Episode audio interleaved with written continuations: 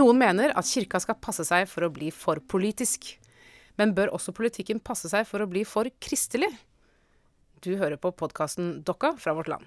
Jeg heter Åste Dokka, og dagens gjest er Stefan Heggelund. Stefan er stortingspolitiker for Høyre. Kristen, ja til og med så kristen at han har holdt andakter på NRK. Velkommen, Stefan. Tusen hjertelig takk. Du, Kan ikke du um, fortelle litt om starten på ditt politiske engasjement? Når våkna du liksom politisk? Hva skjedde da? Oi, det er faktisk litt vanskelig å svare på. fordi at uh, jeg husker at jeg var ganske liten og satt i en bil uh, på en ferie og spurte foreldrene mine om alle de ulike partiene. Hva de sto for. Uh, hvordan det ville gå med Norge hvis de fikk styre, og sånne type ting.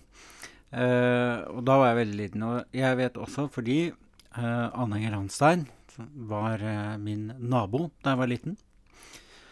Så da heiet jeg veldig på Senterpartiet. Og jeg var jo nei-mann eh, i 94. Da var jeg ti år, da. Nei-gutt. ja, nei-gutt.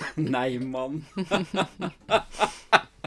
ja, da eh, I 94. Det var jeg også, for øvrig. Ja, ja. Bare jente, da. Ja, ja. Nei, men da Og eh, tegnet en tegning til henne, da. Eh, gratulerer med seieren og alt sånne ting. Uh, også, men, så det har alltid vært et engasjement altså Jeg har alltid ønsket å følge med på politikk. Det har alltid vært et samfunnsengasjement. Nøyaktig hvor det kommer fra når det begynner når man er så, så liten, det, det, er litt vanskelig å svare på. Mm. Uh, og så var jeg 13 år og bestemte meg for at jeg var sosialist. Meldte meg inn i Sosialistisk Ungdom.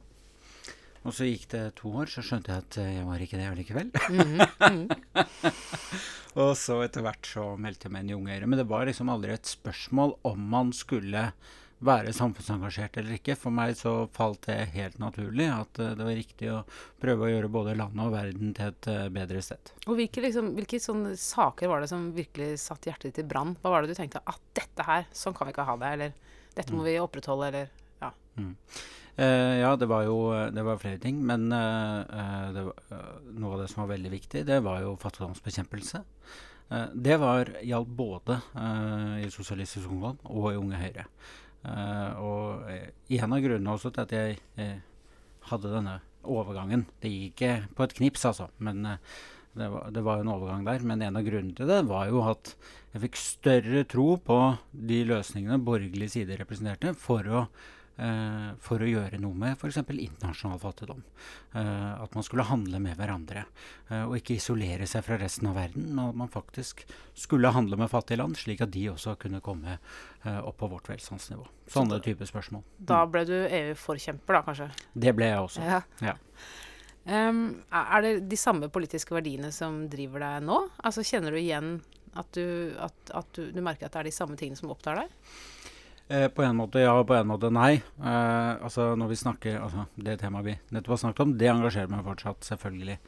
Eh, men ideologisk så er jeg litt annerledes, eller ganske annerledes enn det jeg var. Eh, I hvert fall eh, om ikke de første årene, så i hvert fall en del år jeg var aktiv i Unge Høyre. Da var jeg ganske klart liberalistisk. Uh, og det Da snakker vi om økonomi når du snakker om liberalisme, eller snakker du mer om samfunnsverdier og Begge deler. Mm. Mm. Uh, men uh, det er jeg ikke lenger, og kaller meg i dag bare konservativ. Ja. Mm. Så sånn sett så Sånn har det jo vært en utvikling. Ja. Kan du også ta oss gjennom din liksom, kirkelige engasjementshistorie? Eller kristelige? hvor kom det fra? Ja, hvor kom det fra? Og når kom det? Det er også et veldig godt vanskelig å svare på. Mm. Var det også Anne Inger Landstein, som jo stilte til uh, valg som kirkerådsleder på et tidspunkt? Eh, nei, det var nok ikke det. Selv om jeg husker faktisk eh, vi var, Det er en av mine favoritting å fortelle. Jeg vet ikke hvorfor, men da jeg var liten, så vet jeg at Anne Inger Landstein har klødd meg på ryggen. Uh, og det I konkret forstand? ja. Nei, men uh, fra spøk til alvor. Den, uh, denne kirkelige reisen, ja, kirkelig engasjement, hvor kom det fra? Vel, jeg var jo jeg har vokst opp i det jeg kaller eh, en eh, vanlig familie. Det vil altså si eh, ikke veldig sterkt i verken den ene eller andre retningen når det gjaldt eh, tro. Noen eh, snakket om at ja, du var kristne, andre var ikke det i det hele tatt. Eh, det var ikke noe som preget min oppvekst. Det var det ikke. Vi hadde alltid mye politiske diskusjoner. Jeg kom til middagsbordet med masse papirer, notater jeg hadde tatt fra nyhetssendinger og, og, og så videre, og sa dette skal vi diskutere nå rundt, rundt denne middagen. Veldig tålmodig resten av familien, ja, som ble med på det på. hver eneste gang. Eh, også, men, men, ikke tro. Altså, det var aldri en del av det. Eh, på, på, videregående så eh, fant jeg ut at eh, jeg var ateist. Eh, og det ble av en eller annen grunn en veldig viktig del etter hvert av min identitet. Det å være ateist. Eh, og jeg begynte å elske å diskutere dette her. Og det var liksom, jeg kunne, hvis, hvis jeg hørte om noen som var kristne, da, så var det bare ja, ja. Jeg skal, jeg skal, frelse dere bort fra denne ja. tåpelige overtroen. Mm -hmm. Bare hør på meg nå. Klarte du å føre noen vill, eller? Nei, eh, det tror jeg ikke jeg gjorde. Men det kan jo hende jeg bidro til at noen som var litt enig, ble mer enig. Det kan jo hende. Uh, men Men så husker jeg at Så møtte jeg jo noen, da, i russetiden, som det var på et russetreff. Og vi var midt i bibelbeltet. Altså vi var jo i Rogaland. Og jeg møtte noen De var ikke kristne russ, de var Jesus-russ. Ja. Så det var liksom hakket ja, mer, da. Ja. ja. og det var mye morsomt som skjedde da. De hadde jo en egen eh, De hadde jo en russebuss, men det var jo ikke en russebuss, det var bare en vanlig turbuss som de ikke hadde gjort noen ting med, annet enn å sette et kors på taket. Mm. Uh, og, uh, akkurat som Jesus ville gjort det. ja, akkurat, ja, nettopp. Men, uh, og, han, nei, og så hadde de noen sånne appeller utenfor denne bussen. da, Og det var jo liksom De fleste av oss russene som sto rundt der, syntes jo bare dette var en kuriositet, og fulgte med fordi vi syntes det var morsomt. Um, og så var det én som var ganske frekk, så han klatret opp på denne bussen og tok korset og tok det ned. Til begeistring fra en del av de andre russene. Men det han ikke visste, var at han ene Jesus-russen, som var mye større og sterkere enn han, også klatret opp, dro korset fra ham og satte det på plass igjen. Til eh, ja, kom det litt sånn yeah fra de, fra de få Jesus-russene ja. som var der. Ja. Men og så ble jeg kjent med noen av dem, da. Og vi diskuterte ganske mye. Uh, og det var noen ting som jeg la merke til med dem, selv om jeg var ganske urokkelig i mitt standpunkt. Som sagt, dette var viktig for, min, det var viktig for meg å være rasjonell At det ikke skulle være overtroisk, alle disse tingene. Uh, og um, uh, Men jeg la merke til et par ting med dem. Det ene var at jeg syntes de var hyggeligere enn meg. Og når jeg forteller det til folk som har vært kristne hele livet, så er reaksjonen deres gjerne mm, mm, Sitt og Ja. ja, jeg, ja, jeg har vært kristen hele livet, men jeg, jeg syns ikke jeg er så mye hyggeligere enn enn andre folk. Det er, jo, ja, det er jo en litt morsom reaksjon, da. Ja, altså, mm, mm. mm. ja, det kjenner de seg igjen i. Nei, og så at de var mye mer tålmodige enn det jeg var. Eh, og så var det en ting som jeg syntes var veldig interessant, men som jeg ikke satte ord på før senere. Men det var, det var noe som lå der. Men det, de hadde en sikkerhet i sin usikkerhet. Eh, med det at uh, det, var, det var ting de ikke kunne svare på. Det var ikke alt de kunne argumentere for, men de var allikevel sikre. Uh, mens jeg på andre siden, jeg måtte vite. Jeg måtte jeg, Altså, jeg kunne aldri vært selvsikker i en usikkerhet. Mm. Og dette Og jeg husker en gang så var det uh, en, um, en, gang hvor vi hadde sittet og diskutert, og vi var flere noen venner av meg også som heller ikke var kristne, og vi satt og pratet om det, og så, og så, sa de sånn til slutt at er det greit at uh, vi ber for dere? Og så vi bare ja, ja, hvis dere har lyst til å snakke ut i luften, så bare gjør det. det mm. Bare gjør det. Og da merket jeg at det var et eller annet. Uh, men det kunne jeg jo ikke innrømme for meg selv. Men jeg opplevde det som opp, altså Det var en sterk opplevelse å bli bedt for på den måten. Uh, men det, det, kunne jeg selvfølgelig ikke si til noen, og jeg kunne ikke innrømme det til meg selv heller. Men så gikk det en del år, og jeg leste all denne nyateistiske litteraturen, alt dette. Og så husker jeg jeg sto på stand uh, for Høyre en mm. valg, uh, et, valg uh, et, valg, og da kom det en kar bort som var på min alder, og han var veldig opptatt av at man måtte kutte støtten til alle trossamfunn. Og det er jo ikke Høyre mener jo ikke det. Og, og, når man står på stand, så representerer man jo partiet. Man skal liksom argumentere for det som er partiets politikk. men så skjønte jeg jo at det var jo egentlig ikke det han ville snakke om. Altså, han kom jo etter hvert ut på eh, masse angrep mot religion, hvordan det totalt ødelegger samfunnet og alt dette her. Så kjente jeg veldig igjen argumentene han brukte. For de var jo de samme argumentene som jeg brukte, som jeg bare hadde lest meg til. Eh, ikke at det er noe galt i det, altså, men hvis man bare leser én side, så man så, eh, tenker man kanskje ikke så kritisk. Og dette høres jo litt arrogant ut, men jeg sa til ham til slutt at du, jeg vet nøyaktig hvor du er nå i resonnementet ditt. Jeg vet hvor du skal. Vi har lest akkurat de samme bøkene. Uh, og det fikk meg til å tenke sånn jeg, jeg, burde kanskje begynne hvert fall Når jeg er så opptatt av dette, så burde jeg i hvert fall uh, høre på hva de andre har å si, uh, og være mer nysgjerrig på det.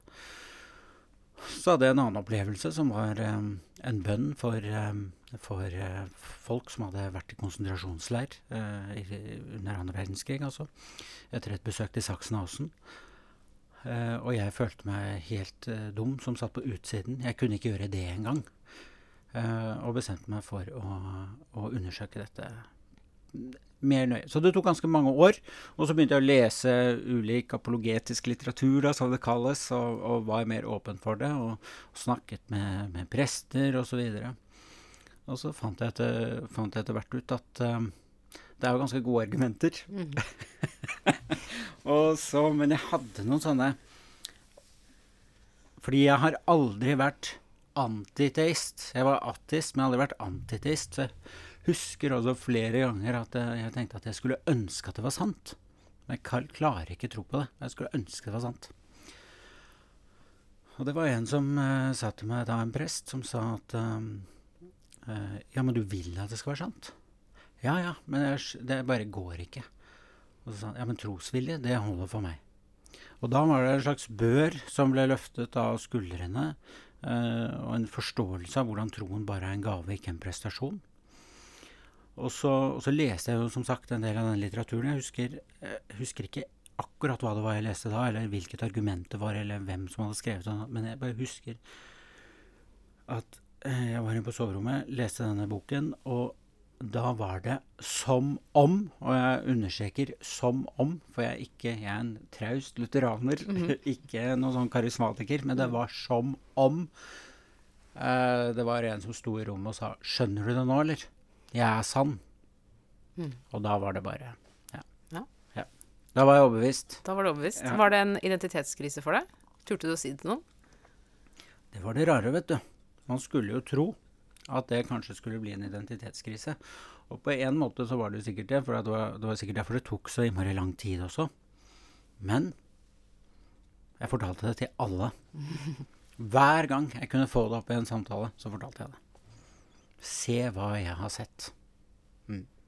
Jeg har av en eller annen grunn eh, plukka opp, eh, og det er sikkert ikke sant, Eh, eller tydeligvis ikke sant, at du ble kristen av å lese Inge Lønnings forord til boka 'Levende Luther'.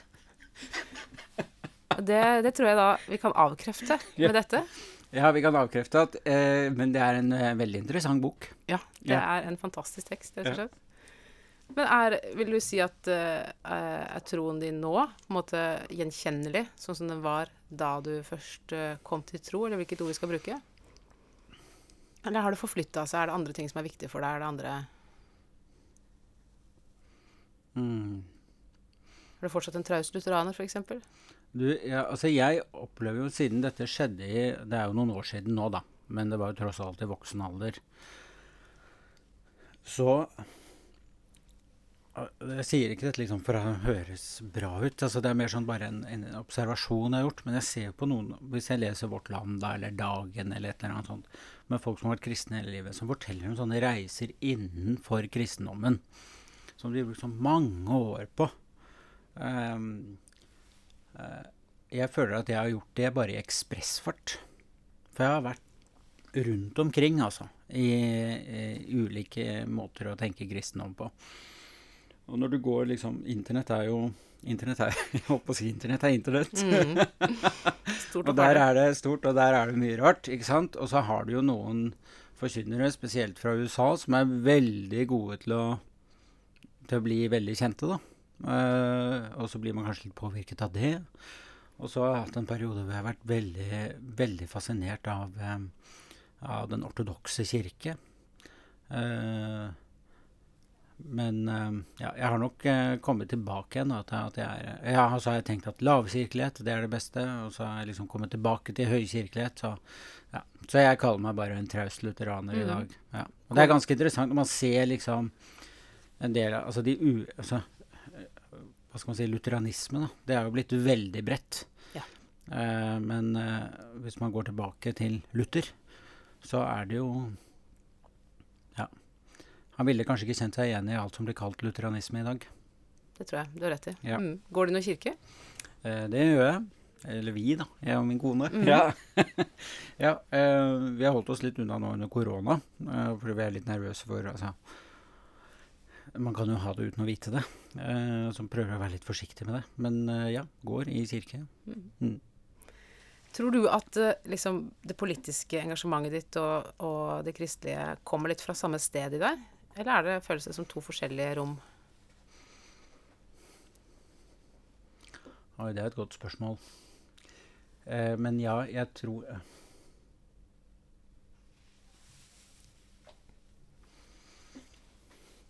Mm.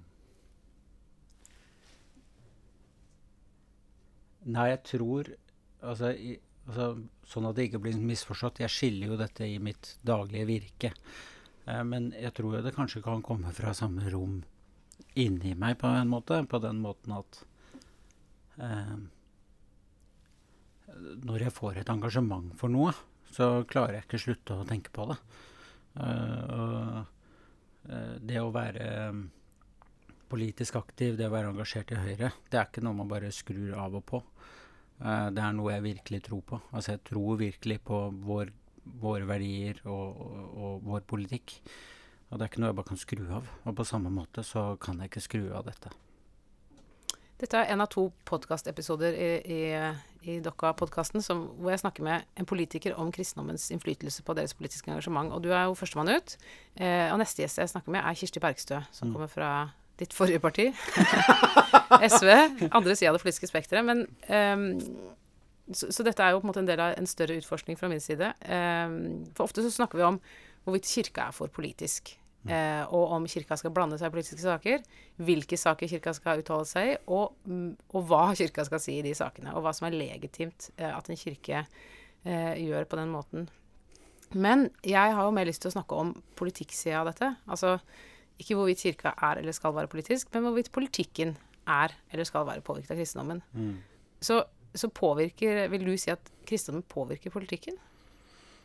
Uh, ja, altså La meg da igjen understreke uh, man skal skille religion og politikk. Men å si at alle vi som lever i Norge i dag, eller et vestlig land, europeisk land eller USA det, for den saks skyld, ikke er påvirket av kristen tankegods, det er Altså, det, det, stemmer rett og slett ikke. Det er vi alle sammen. Det ligger så langt nede i vår kulturarv eh, at uh, vi er alle på en eller annen måte påvirket av det. Mm. Men hvis man snakker litt mer sånn eh, i det ideologiske arbeidet, mm. eller, um, eller, deg som menneske, uh, vil du si at det har eh, direkte påvirkning? Eller for eksempel, da, for å være mer konkret, mm. gjør det at du er kristen, at du inntar andre politiske standpunkter enn du ellers ville gjort?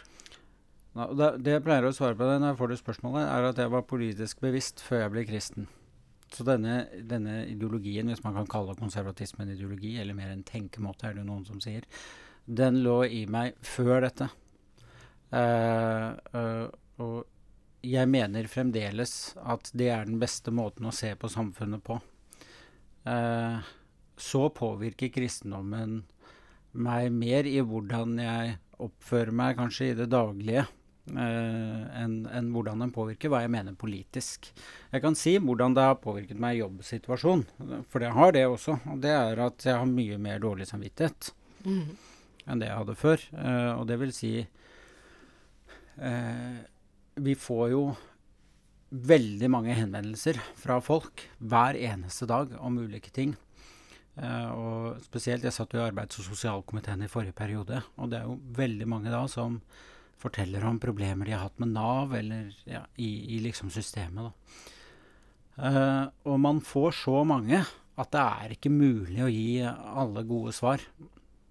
Og det er noe som jeg nok har mer dårlig samvittighet for enn det jeg ville hatt uh, før. Ja, fordi før ville jeg tenkt sånn er det bare. Jeg, tiden strekker ikke til, osv. Uh, mens nå uh, så er tiden Jeg ser ikke på det egentlig som noe som er min. Tiden min er egentlig ikke min. Så jeg tror kanskje Det kan hende at jeg er blitt en bedre ombudsperson av det enn jeg var tidligere. Mm. Anstendig. Anstendigheten. Du, hold, du holdes oppe mot et høyere ideal. Men hvis man svarer nei på det spørsmålet, da At uh, OK, jeg inntar ikke andre politiske standpunkter enn en, en jeg ellers ville gjort fordi jeg er kristen. Uh, er, har det også en slagside? Altså er det også uh, på en måte negativt? Hvis, hvis, du tenker at, at det Jesus snakker om, er sant, mm. bør ikke det også få betydning for hvordan du tenker om hva som er sant i sosialpolitikken f.eks. Eh, jo, men nå mener jo jeg at Nå mener jo jeg at min sosialpolitikk, den jeg står for, er god. Altså jeg mener at uh, både altså jeg og partiet jeg representerer, har en sosialpolitikk som uh, vil hjelpe folk ut av fattigdom. Uh, som vil hjelpe de som er svakerestilt, som vil hjelpe de som er på bånn. Så det er liksom Men jeg tror det var en ting jeg tenkte på da du stilte spørsmålet, og det var um, Går du inn i konkrete saker som uh, liksom bioteknologi og sånne typer spørsmål, eller er det Nei, ikke sant. Men der er jo jeg konservativ, og det har jeg vært lenge.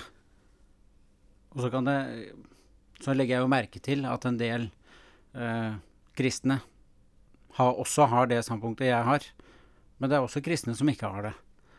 Og, og da kom jeg på det jeg skulle si, som var at jeg ville aldri turt å begrunne noe av det jeg står for, med eh, Jesu ord eller et vers i Bibelen eller noe sånt noe. For det kan jo hende jeg tar feil. Så hvor stort mot har du egentlig hvis du involverer Gud i ditt eget politiske syn? Hvis du reduserer Gud til din egen politiske ideologi, ja, da er du modigere enn meg. Ja, og det er jo interessant. Da kan vi jo hoppe rett til altså, når, du hører da, når du hører noen gjøre nettopp det. Det kan være en republikaner som du er uenig med. Mm -hmm. Eller det kan være en eh, fra norsk venstreside som du er uenig med. Eller det kan være en som du er helt enig med mm. eh, fra, fra, norsk politikk. Som mm. sier sånn Men som Jesus sier, eller eh, som kristen kan jeg ikke stå for, eller osv. Mm. Eh, hva tenker du da? Blir du sur, eller? Nei, jeg tenker jeg blir ikke sur, jeg bare tenker at de tør. Men kan det hende at du blir utfordra av det? Ja, øh, det kan absolutt hende. Men jeg tenker likevel at de tør. Altså, tenk om han er uenig. Mm. Tenk om han ville løst dette på en annen måte. Poli rent politisk. Mm. Men i bunnen ligger det en tillit til at du tror på et eller annet nivå at Jesus er enig med deg. Nei, det ville jeg aldri, ville jeg aldri ja, men når Du sier, når du sa i stad at du, trodde, du, mener at deres sosialpolitikk i Høyre er den riktige, den er den som løfter folk opp fra bånn osv., ja. Så er jo det en måte Det mener jo jeg. Det er en vurdering jeg gjør her som menneske. Uh, om han er uenig, det kan godt hende. Men jeg ville allerede sagt det er mest sannsynlig at han er enig med meg. Jeg har brukt jeg skal si, jeg har brukt, Og da Og det går jo ikke direkte på et politisk standpunkt heller. Uh, men jeg har sitert uh, Jesus i en appell. Og det var, og det, var, altså det var om klima og, og, sånne ting, men det det, det handlet om det, altså Jeg tok ikke han liksom til inntekt for våre standpunkter i klimapolitikken, men til inntekt for handling, da. Og det kan godt hende jeg brukte dette verset helt feil. Altså det. Men det er fra vedropene, jeg tror det er i Lukas evangeliet. Ved dere skriftlærde, dere legger byrder på, på andres uh, skuldre, men rører dem ikke selv med en finger. Eller byrder som ikke er til å bære, er vel han sier. Men rører dem ikke selv med en finger. Uh, og så sa jeg at uh, det er ingen av oss, så inkluderte jeg da de andre partiene som sto der, da, det er ingen av oss som ønsker å være slike politikere. Uh, at vi bare gir byrdene over til noen andre. Så det er klart at vår generasjon også her må handle uh, på vegne av fremtidige generasjoner. Uh, og så etterpå tenkte jeg gikk jeg for langt nå? Ikke sant? Men det er den Altså, til og med den, som kanskje ikke var så problematisk, for det går ikke inn i et konkret standpunkt, men til og med da tenkte jeg nå gikk jeg kanskje litt for langt. Ja, det skal ikke jeg avgjøre, men jo, da låner du på en måte mer patos enn, eh, og retorikk enn du låner eh, på en måte ideologisk eh, bensin, da. Ja, men det, mm. det, det, var jo absolutt en kritikk av makthaverne på den tiden. Eh, og eh, altså, som ikke forsto Som ikke forsto eh, hvilke konsekvenser deres tolkning hadde for vanlige folk. Og det er klart at uh, vi må jo også forstå, det var det som var poenget mitt, da, vi må forstå hvilke konsekvenser vår ikke, eventuelle ikke-handling vil ha på de som skal arve denne jorden av oss. Men du virker jo ganske trygg i dette. Men hender det at at du leser en bibeltekst eller hører en preken eller et eller annet, og så tenker du dette som står her, det har faktisk politiske implikasjoner, og jeg eh, mener noe annet. Hender det at du blir utfordra, forstyrra, politisk av, av kristen formidling, eller av kristendommen? Uh, nei, det gjør egentlig ikke det. For jeg tenker uh, Altså, vi, vi, har den rollen som politikere og velgere, egentlig. At vi skal, vi skal, stemme etter det som er vår samvittighet. Det vi faktisk tror er best for samfunnet. Uh, derimot så syns jeg Og igjen, jeg er veldig forsiktig med dette, men så syns jeg det menneskesynet som presenteres i Bibelen, da, er ganske Jeg opplever at det er ganske nært den måten konservative ser på mennesket. Eh, menneske, altså at mennesket har en fantastisk skaperkraft, kreativitet, eh, men også at vi er utrolig feilbarlige. Og begge disse tingene lever i mennesket samtidig. Uh, og det, et sånt menneskesyn har jo noen har jo noen uh, konsekvenser for hvordan man mener det er fornuftig å organisere samfunnet. Det betyr at ja, vi må ha frihet til å utfolde oss. Uh, men det betyr også at vi må ta ansvar for hverandre. Det betyr at eh, vi må fordele makt så mye som mulig. Fordi at menneskets feilbarlighet synes aldri så tydelig som når mye makt er samlet på få hender. Men er det uh, Dette høres jo veldig smooth ut. Er det, uh, lugger det aldri skikkelig, liksom? Jeg tenker på uh, Forskjellene mellom fattig og rik har økt i Norge de siste årene. eller det er flere som lever i fattigdom i Norge nå enn det var. Um, og det er jo under ja, Vi har vel nest lavest ulikhet i Europa, tror jeg, ja, i Norge. Men like fullt. Og så er det ulike grunner til at ulikhetsstatistikken påvirkes. F.eks. så påvirkes den av innvandring. Um, så, øh, men, men, ja, jeg mener både vi har et politisk og et personlig ansvar for å hjelpe fattige. Sånn at jeg mener det ikke bare beholder å betale din skatt. Jeg mener at har du ressurser til det, så skal du også hjelpe privat. På spørsmål om det er noen temaer det lugger på, så kan jeg svare ja, det er noen temaer som lugger på. Innvandring er et tema, og jeg kan merke at det, det lugger litt. Eh, jeg er for en streng innvandringspolitikk. Jeg har også ment uh, at uh, Høyre begår til valg neste år på en strengere innvandringspolitikk enn det vi fører i dag. Det er en ren praktisk politisk vurdering. Men hvor det kan lugge litt opp mot det kristne menneskesynet. Hvor jeg egentlig skulle ønske at vi kunne ta imot så mange som absolutt mulig. Men det er bare det at jeg mener det er dårlig politikk.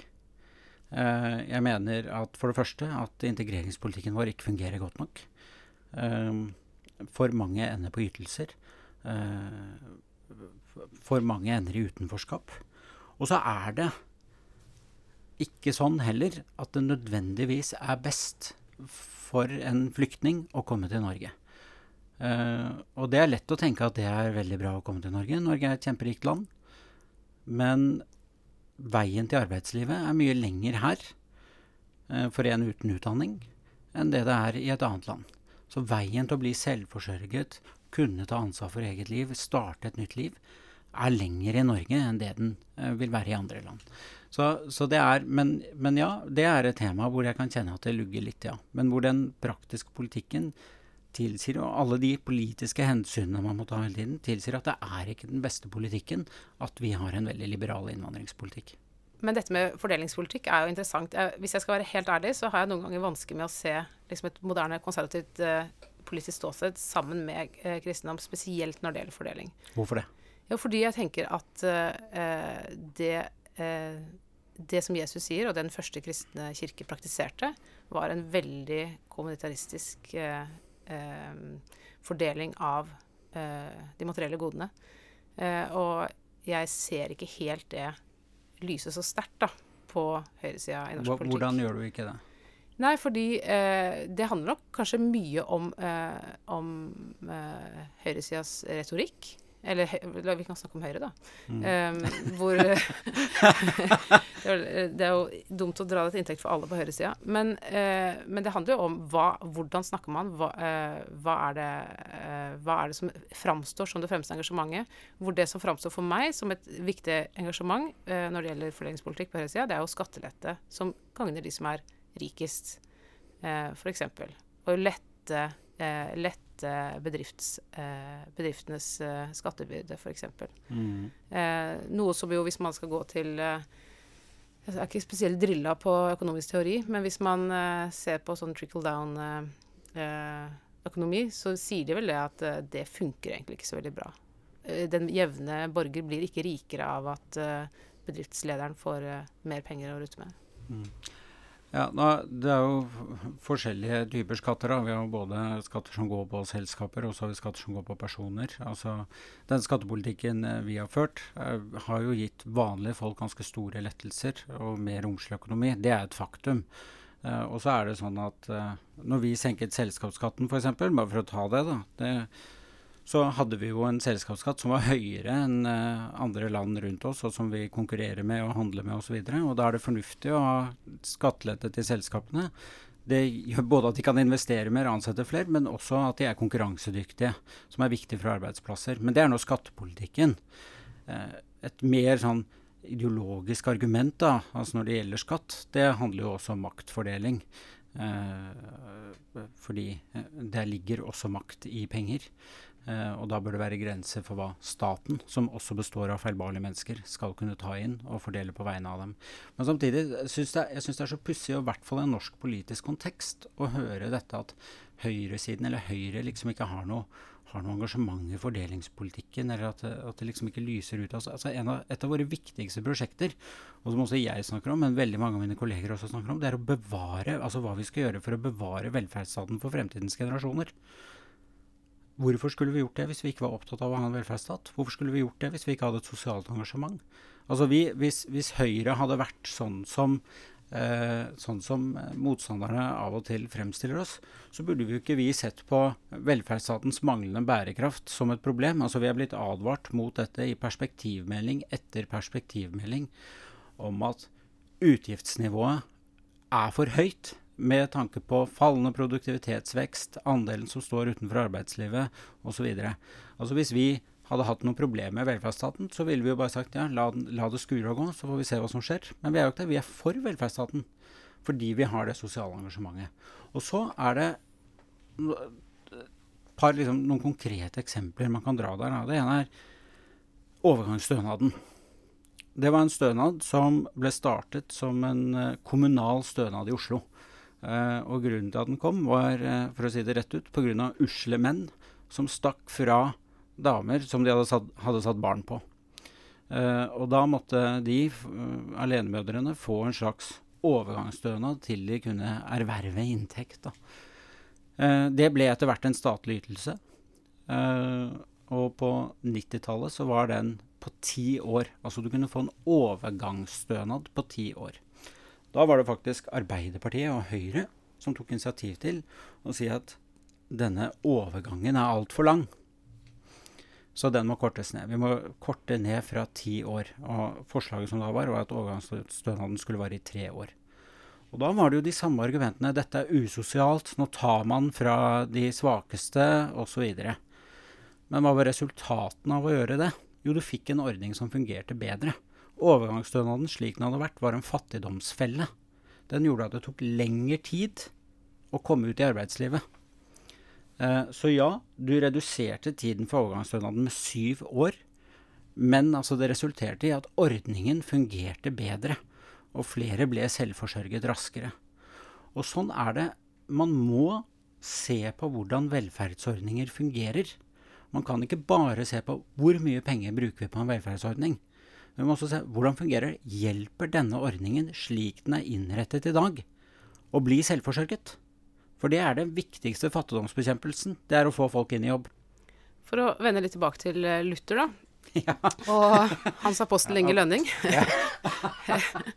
så, så har vi jo denne toregimentslæren. Eh, og for den uopplyste lytter så kan jeg utlegge den litt. Eh, det er jo tanken om at Gud har makt Har ulike måter å, å, utøve sin makt på, for å bruke de ordene, i verden. Det ene er det verdslige regimentet, og det andre er det åndelige regimentet. Og hvor da det verdslige regimentet, det er jo på en måte staten som har sverdet, voldsmonopolet. Og så er det på den andre sida eh, kirka, som har ordet og menneskers samvittighet. Og Luther mener at de to skal være atskilt. De har hver sine oppgaver. Og kirka skal ikke gripe til makt. Eh, og staten skal heller ikke legge seg opp i samvittighetsspørsmål. Uh, og det har vært uh, og, og i, den, i, den, måten å tenke på, så er jo soldaten som dreper i statens navn, gjør en gjerning for Gud. Eller til og med den onde fyrsten, som ikke er kristen, kan gjøre en gjerning, uh, Guds gjerning i verden. Ved å holde seg til liksom, sitt, sitt, område, da. Og den måten å tenke på har jo stått veldig sterkt i Norge lenge. Vi har jo hatt en kirke som har vært veldig påholden med å uttale seg politisk.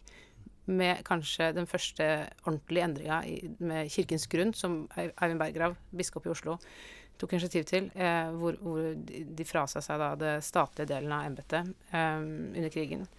Eh, fordi måtte fyrsten hadde blanda seg inn i samvittigheten. Det gikk ikke an. Eh, men, men, jeg opplever at den måten å tenke på har smuldra mer og mer opp i Norge. Mm. Eh, det handler jo selvfølgelig om hva som skjedde under krigen. Det handler jo også om en sånn generell etisk vending i teologien. Det handler om 68-erne. Mm. Eh, og